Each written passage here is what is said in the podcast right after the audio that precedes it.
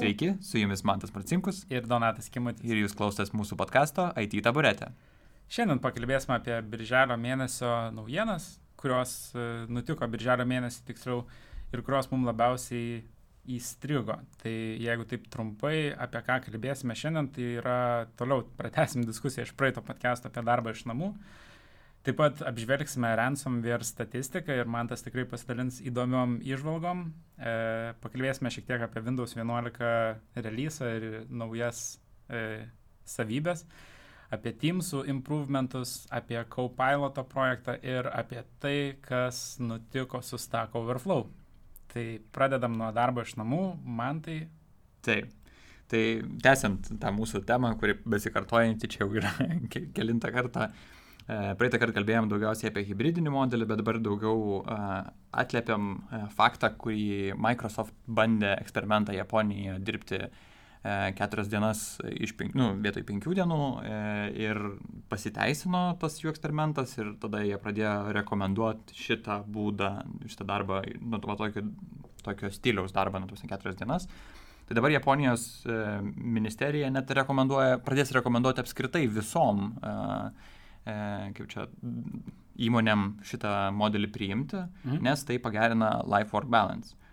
Na nu ir šitas labai susijęs yra su tom, kad vis daugiau pokalbių arba daugiau forumuose, Twitteryje, kad ir tam pačiam Hacker News galima pasiskaityti apie komentarų apie tai, kad žmonės pradeda galvoti apie tai, kad reik, reikėtų man jau keisti darbą. Mhm. E, dėl tos priežasties, kad aš labiau norėčiau arba remote dirbti, arba mažiau dirbti, mhm. arba kažkokį vad hybridinį modelį, o kai kurios įmonės dėja, pavyzdžiui, Apple e, sako, kad dabar nuo rugsėjo mėnesio e, tris dienas iš, iš, iš namų, e, tris dienas ofise turės dirbti žmonės, A. oficialiai nebus tokio, kad vat, visi gali remote dirbti visą laiką.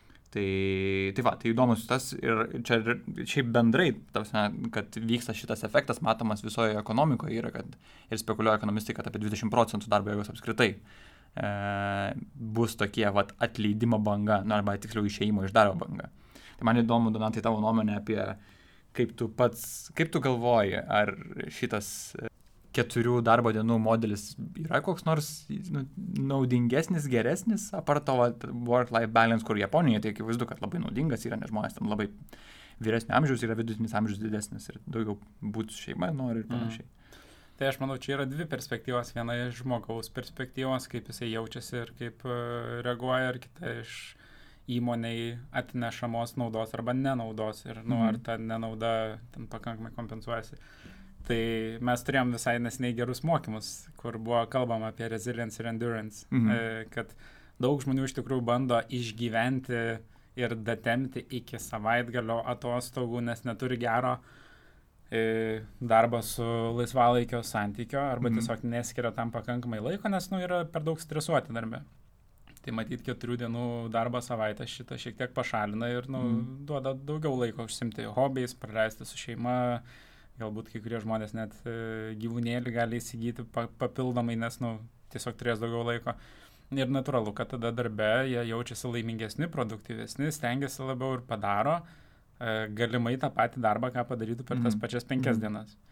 O kita pusė? Kita pusė yra iš įmonių pusės, nu tai va, jeigu viskas gerai, tai gerai, nes nu, padaro tą patį darbą, e, bet yra ir ta pusė, kad e, ne visi turbūt žmonės yra sąžiningi. Ir yra tikrai dalis žmonių, kurie ir dabar bando nusukinėti ne tai, kad laiką, sakykime, bet, nu, tiesiog vegetuoja tam darbę Arba... Geras, vegetuoja. Jo, arba tiesiog bando naudotis visom įmanomom progom nedirbti. Tai tokie žmonės matyt padarytų nu, per tas keturias dienas mažiau, nes mažiau nei per mhm, penkias mm -hmm. dienas, nes tiesiog tą patį ir toliau darytų. Nemanau, kad jie jaustų labai didelį e, patobulėjimą. Na nu, ir aišku, turbūt labai priklauso nuo srities, e, mm. į kurią žiūrim, nes kai kurios sritis tai tikriausiai tiesiog, nu, kuo ilgiau dirbi, tuo daugiau padarai. Ir tas ta laisvė tau gal net neštų labai daug. E, jo, tai čia tikriausiai dar nu, IT žiūrint srity, tai mes tikriausiai galėtume ir vat, atskirti, pavyzdžiui, produktinės kompanijas ir projektinės kompanijas. Nu, tokios, kur vat, projektas, nu, jisai, jeigu tu suplanuoji trim mėnesiam, tai, nu, tipo darbo realaus, tai tu vis tiek jis išsidėlioja laikę kažkaip, tai net tu nerealiai turi tris mėnesius dirbti, tu gali ir penkis mėnesius daryti, bet projektas, vat, nu, darysis trijų mėnesio darbo. Mhm. Kai produktas yra kuo greičiau į marketą, dėl to, kad konkurentai tave gali nugalėti. Tai tas kuo greičiau gali būti, nu čia iš darbdavio perspektyvos, akivaizdu, mes kalbam apie iš produkto vystimo, tai kad penktadienis gali būti, kur tu tą vieną dieną ir pavėlavai, nes tavo konkurentas išrolautina kokį pakeitimą. Nu, va čia toksai, va, gal edge, kaip va čia pavadinti, va iš kurios pusės žiūrėt.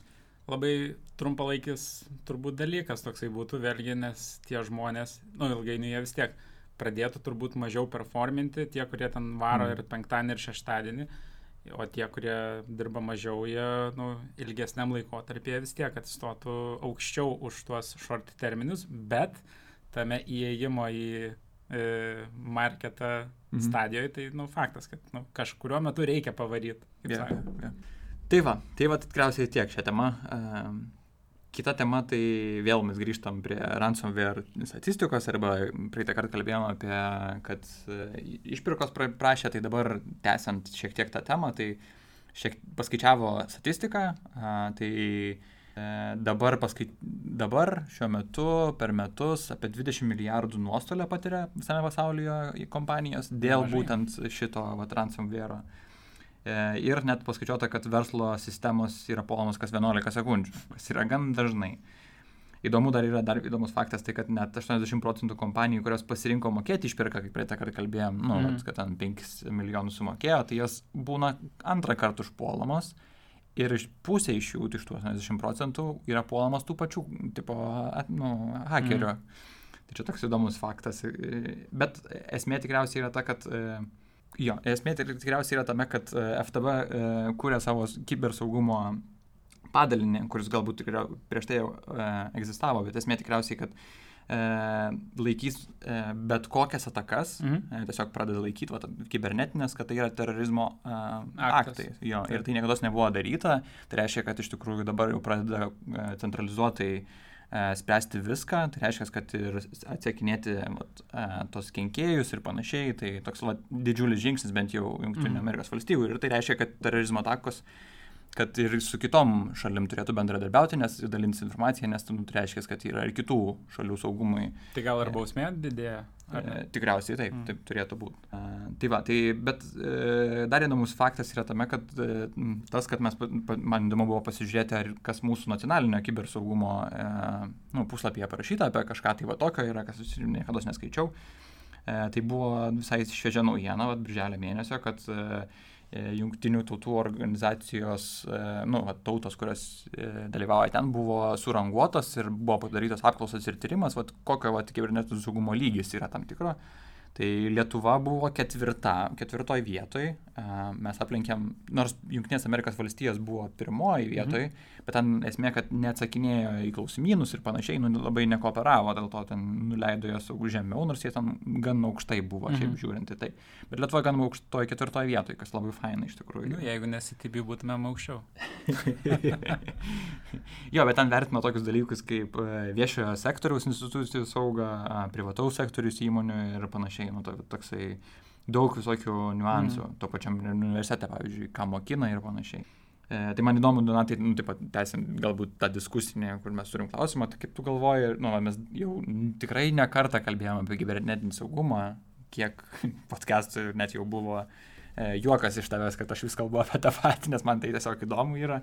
Tai kokią perspektyvą tavo nuomonė kibernetinio saugumo specialistų arba nu, tokios atšakos eiti? Manau, kad 20 milijardų dolerių per metus. O, opportunity cost.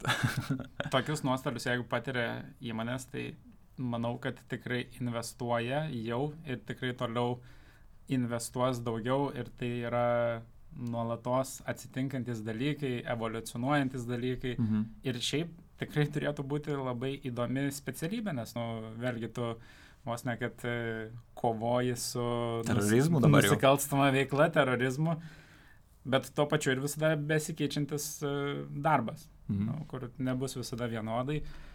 Tai tikrai perspektyvų, tikrai įdomu, manau, kad ir labai gerai apmokama. Ar domėjais kokiu nors yra studijų krypčių šitame? Na, aš tai žinau, kad yra bent kelios. Žinau aš irgi, kad yra, bet negaliu nieko įvardinti. Žinau, kad yra Kauno technologijos universitete kažkokia nu, atšaka ir žinau, kad VGTU, man atrodo, yra šito vietoj.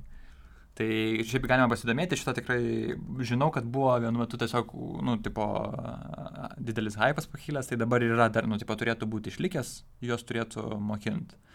Mhm. Aš kaip tik irgi žinau, kad lyg ir VU paleido naują e, programą, o gal ir nebe naują informacijos sistemos ir kibernetinę saugą. Aha.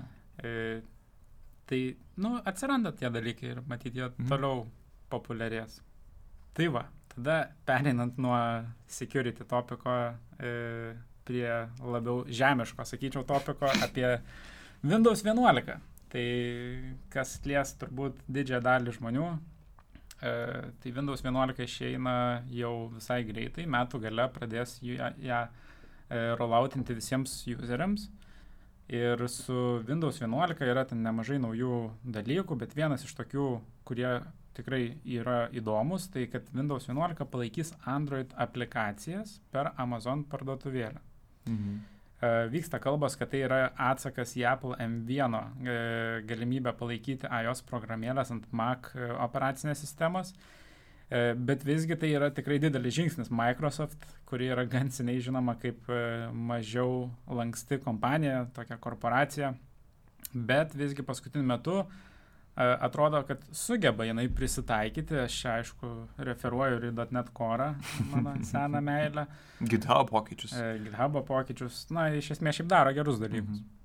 Tai ką šiaip tai reiškia e, paprastie, paprastiems Windows vartotojams, tai kad bus galima naudoti native programėlės, kurios neturi gero webo puslapio analogo arba apskritai neturi webo puslapio. Mhm. Tai pavyzdžiui, galima naudoti bus TikTok, Instagram, Snapchat, E, parsisiųsti kaip programėlę ir tiesiog naudoti Windows'uose, kas skamba visai įdomiai. Mhm.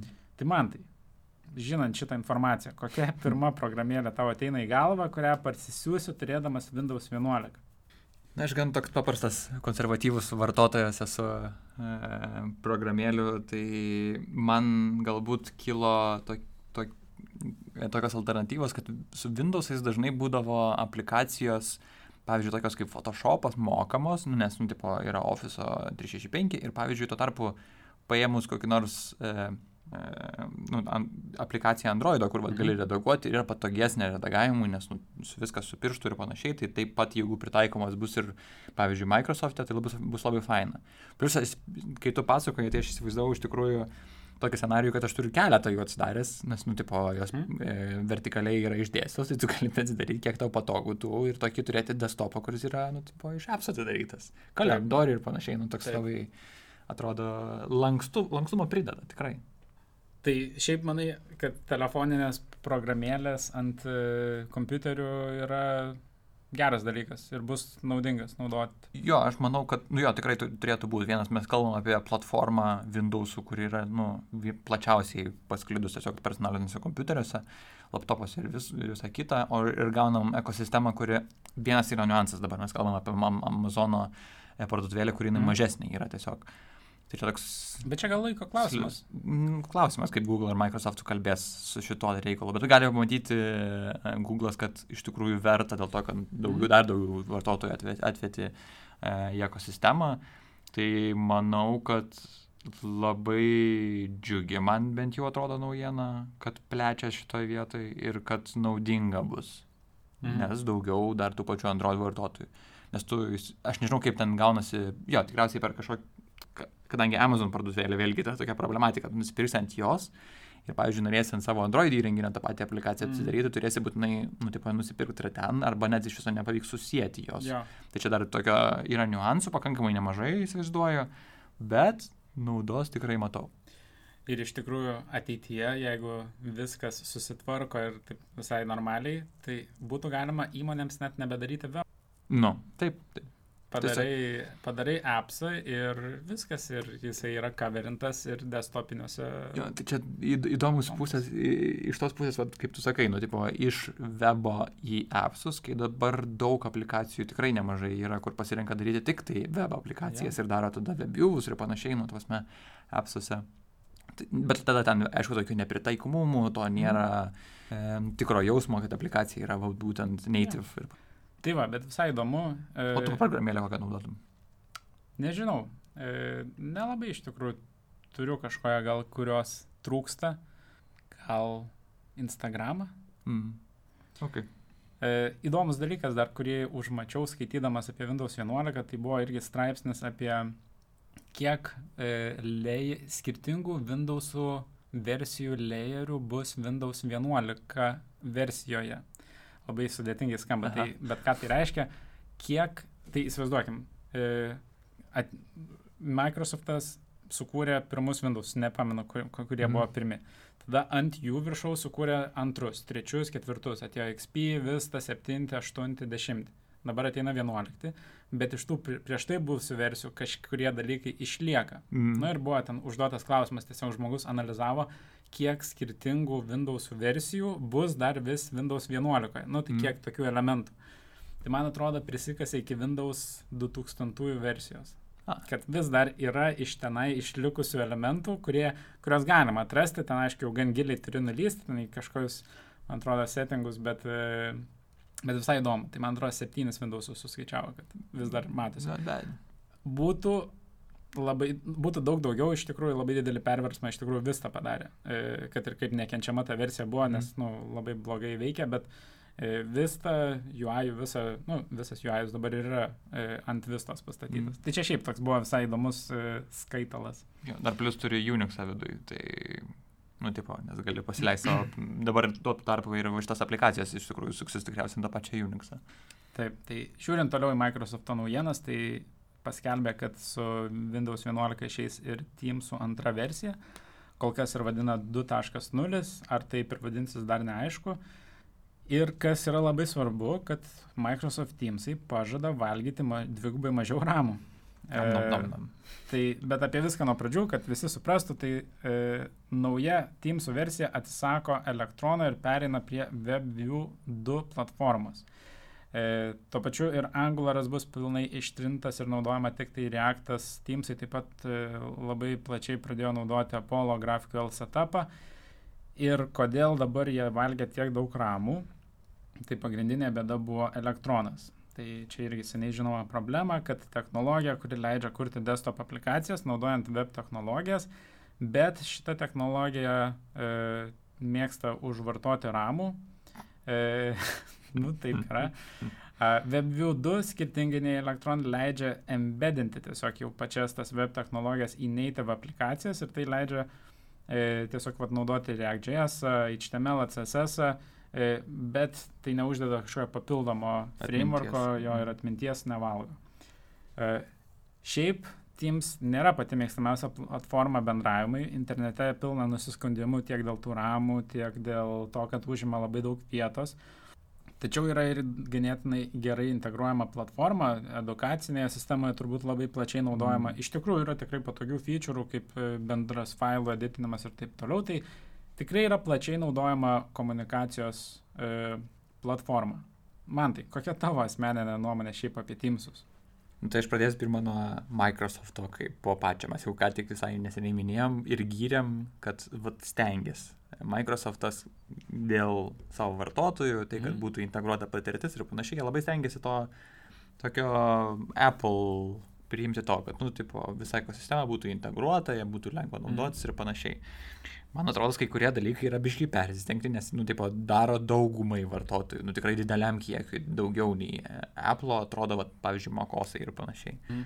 Tai ten akivaizdu, kad eina tada su trūkumais tokiais, kad, nu, sunku, kas atrodo Teamsas. Nu, tipo, man kaip atėjusiam, kaip pirmą kartą, vat, būtent edukaciniai srityje pradėjau naudoti aš jį, nes universitetas naudoja jį. Uh, Tai, nu, aš klaidžiau. Nu, man mm. pačiam buvo gan sudėtinga prisijungti prie komandų, kažkokių kodų reikia. Nu, toksai e, nelengvas būdas prieiti. Mm. Bet kai pagauni viskas ok, nu, tipo, fine. Tipo.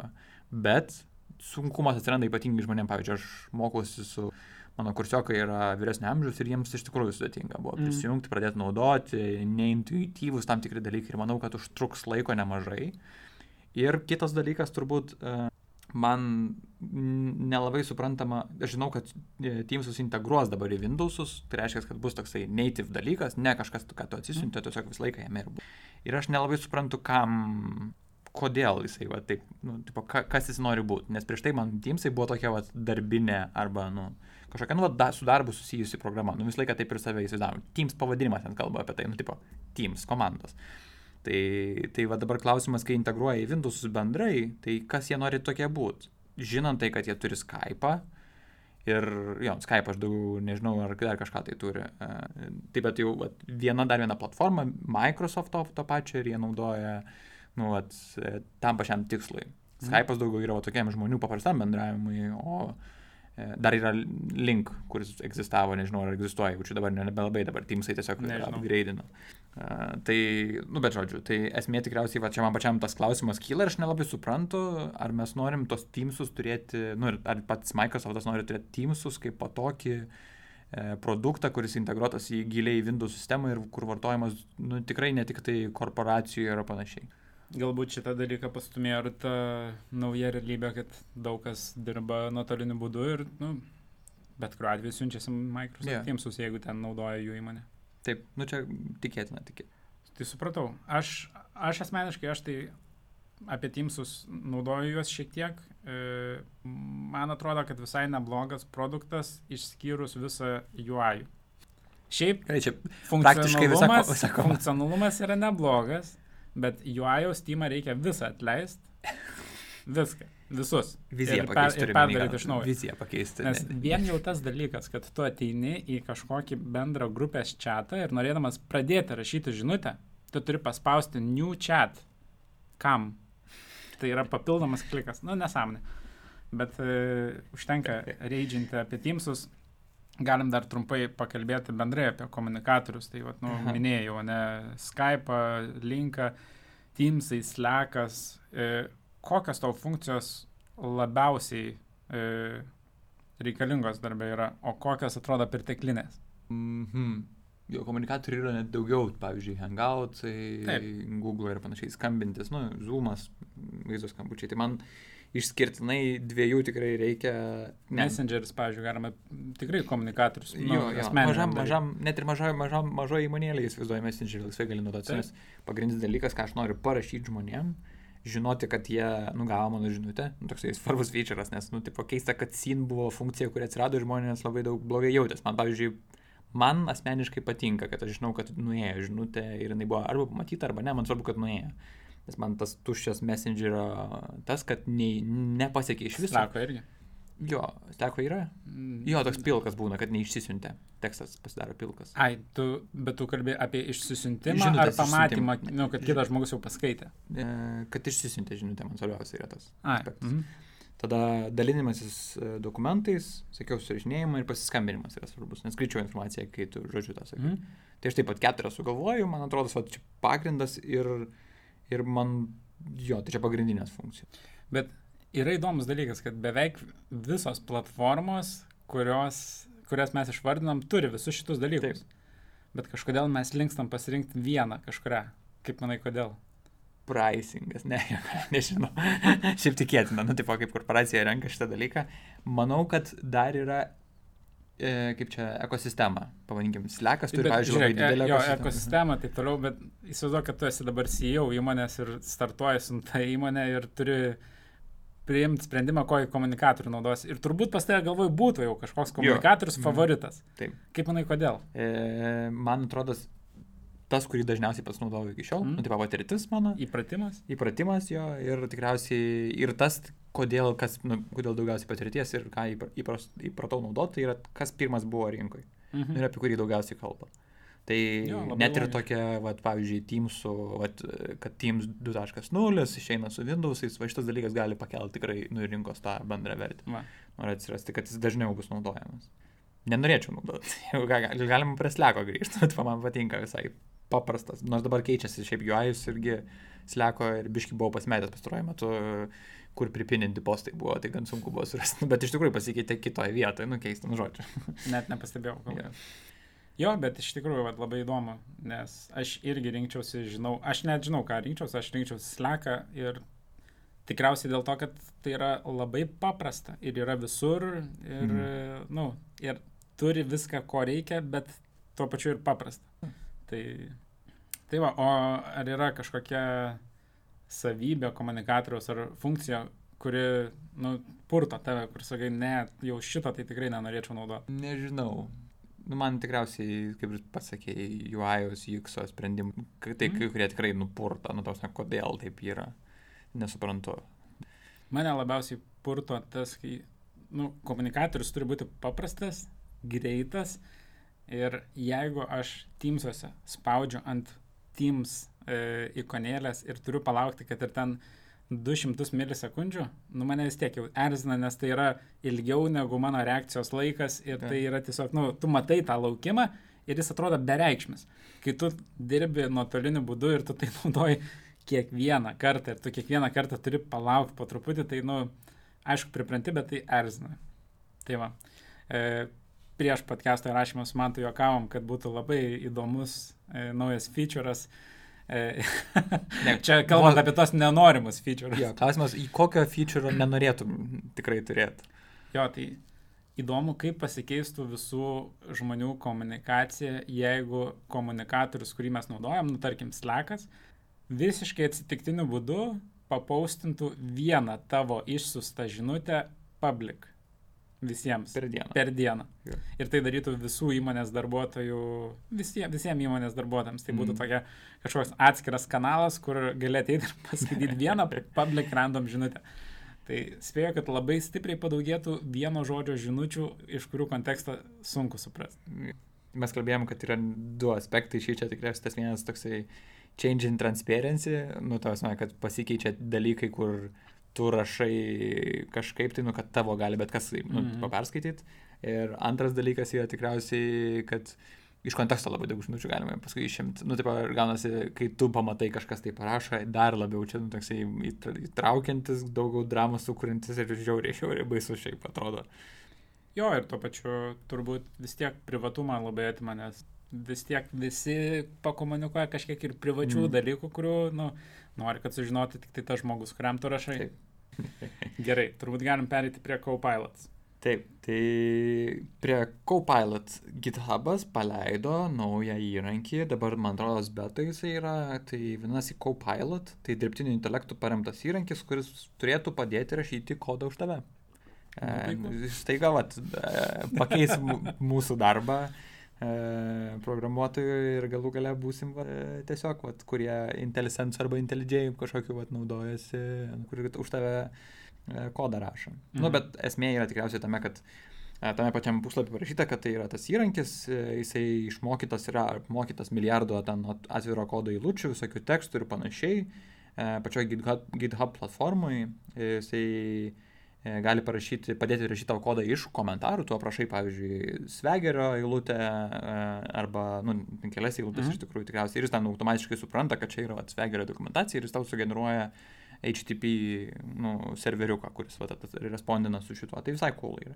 Jis palaiko, nu, galima suintegruoti su CodeSpaces, kurį minėjom keletą kartų Mhm. per savo podcastą ir, ir net galima lokaliam editoriui, tam kokiam nors pat- Visual Studio kodą galima jį susintegruoti. Palaiko daug kalbų - Python, JavaScript, TypeScript, Ruby, Go, C Sharp, nu, viskas, kas iš tikrųjų yra Mhm. viešai prieinama, tikriausiai tą naudoja. Tai va, tai yra įdomių tokių, vat, keli pavyzdžiai bent jau, kurie man buvo įdomus tam puslapį, šiaip rekomenduoju nueiti, gal net ir pabandyti iš tikrųjų. E, taip, tokie pavyzdžiui, kad generuoti, vat, kaip minėjau, kodą iš komentarų, e, pavyzdžiui, pasikartojantį kodą generuoti, kai, pavyzdžiui, daug eilučių turi parašyti ir žinai, kad, nu, tipo, neina kažkaip pat užfilint. E, tai ten gali išmokti visokių skillsų, kad ten daug eilučių pakeis vienu metu, bet jis iš esmės po kelių eilučių pats pasiūlo, kad gal man čia užbaigti reikia, mm. -hmm. tiesiog ir tiek. Visai, visai cool atrodo. E, taip pat įdomus dalykas, kad padeda parašyti testus pagal tavo implementaciją. Jeigu tu parašai tiesiog tą, parašai, kad test, testuoja ir automatiškai užpildo testą. Nu, taip pakviečia ir panašiai. Mhm. Tai Mhm. toksai, nu čia aišku, kiekvienam pabandyti reikia, kaip jis tas veikia ir panašiai.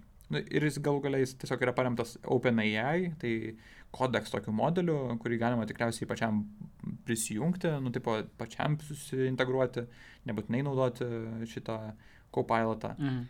Tai va, tai e, jo, ir dar tuo pačiu yra apmokamas e, pagal tavo coding stylą. Tai jeigu, pavyzdžiui, tu pri- nu, priemi kažkokį pasiūlymą kodo ir jį bis pasiredaguoji, tai kitą kartą jis žinos, kad vat, va šitaip tu preferini savo ten kurli breketus ir, ir kabutės ir ten whatever. Tai, nu, tipo, Apmokomas, apmo- neapmokamas. jo, apmokamas. Išgirdau apmokamas. Apmokamas, ja.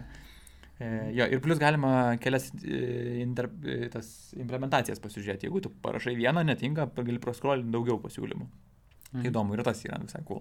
Tai va, tai rekomenduoju pabandyti ir man, Donatai, įdomu tavęs kaip programuotojo paklausti, tai ar yra tas metas, kai jau kodą nebereiks rašyti ir tik iš dokumentacijos generolikus? Ne. Ne, gerai. Makes sense. Kitas klausimas. Gerai. Manau, kad ne, tikiuosi, kad ne.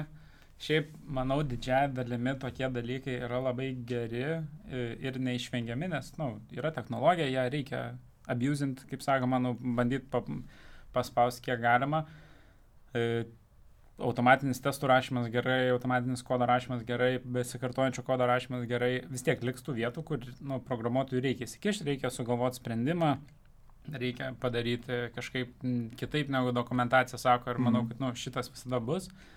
Ir šiaip manau, kad labai gerai, kad tas yra didžiaja dalimi, kodėl sakau ne didžiaja, o ne visa, dėl to, kad manau, kad atsiras tiesiog atbukint žmonės kai kuriuos. Na nu, mm. ir mhm. galbūt nauja karta jau nebežinos, žinos dar mažiau dalykų, atsiras dar didesni frameworkai, kurie daro daug ką už tave ir tų žmonių, kurie supranta, kaip tai iš tikrųjų veikia, bus mažiau ir mažiau.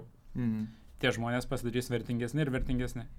E, kas nėra galbūt blogai tiems žmonėms. E, o... Bet bendraja prasme tikriausiai rinkai. Bendraja prasme, aš manau, pristaikys rinką. Nu, mes čia kalbam apie tai, kad tai yra life-changing moment ir čia viskas pasikeičia vat, po šito podcast'o ir po, po leidimo. Aš manau, kad tai yra tiesiog labai kaip IntelliSense'as, IntelliJėjus, visi šitie įrankiai, kurie iš tikrųjų nu, padeda, tikrai mm. suprasina tau, optimizuoja tavo kodą, gal net ir šiek tiek e, pasiūlymus kažkokius reikia. Čia tiesiog kitas lygis tiesiog yra, nu, daugiau truputį gali padaryti. Tai visai cool, man atrodo. Bet kuriuo atveju yra įdomu, kaip programavimas atrodys, kai mes jau busim pensijoje. Yeah. Apie tai gal kitą podcastą tiesiog įdomu būtų pamastyti. Tęsant uh, naujienas, Taip. tada apie Stack Overflow. Paskutinė mūsų naujiena, tai kad Stack Overflow buvo nupirktas. Uh, prozus. Labai keista. Prosus, prozus investuotojų įmonės už 1,8 milijardą JAV dolerių. Nei daug, nei mažai, sakyčiau. Mm. Nu, Stack Overflow. Prozus šiaip dabar jau turi didelę dalį ir kitų mokymosi platformų akcijų paketuose, tokių kaip Udemy ar Code Academy. Mhm.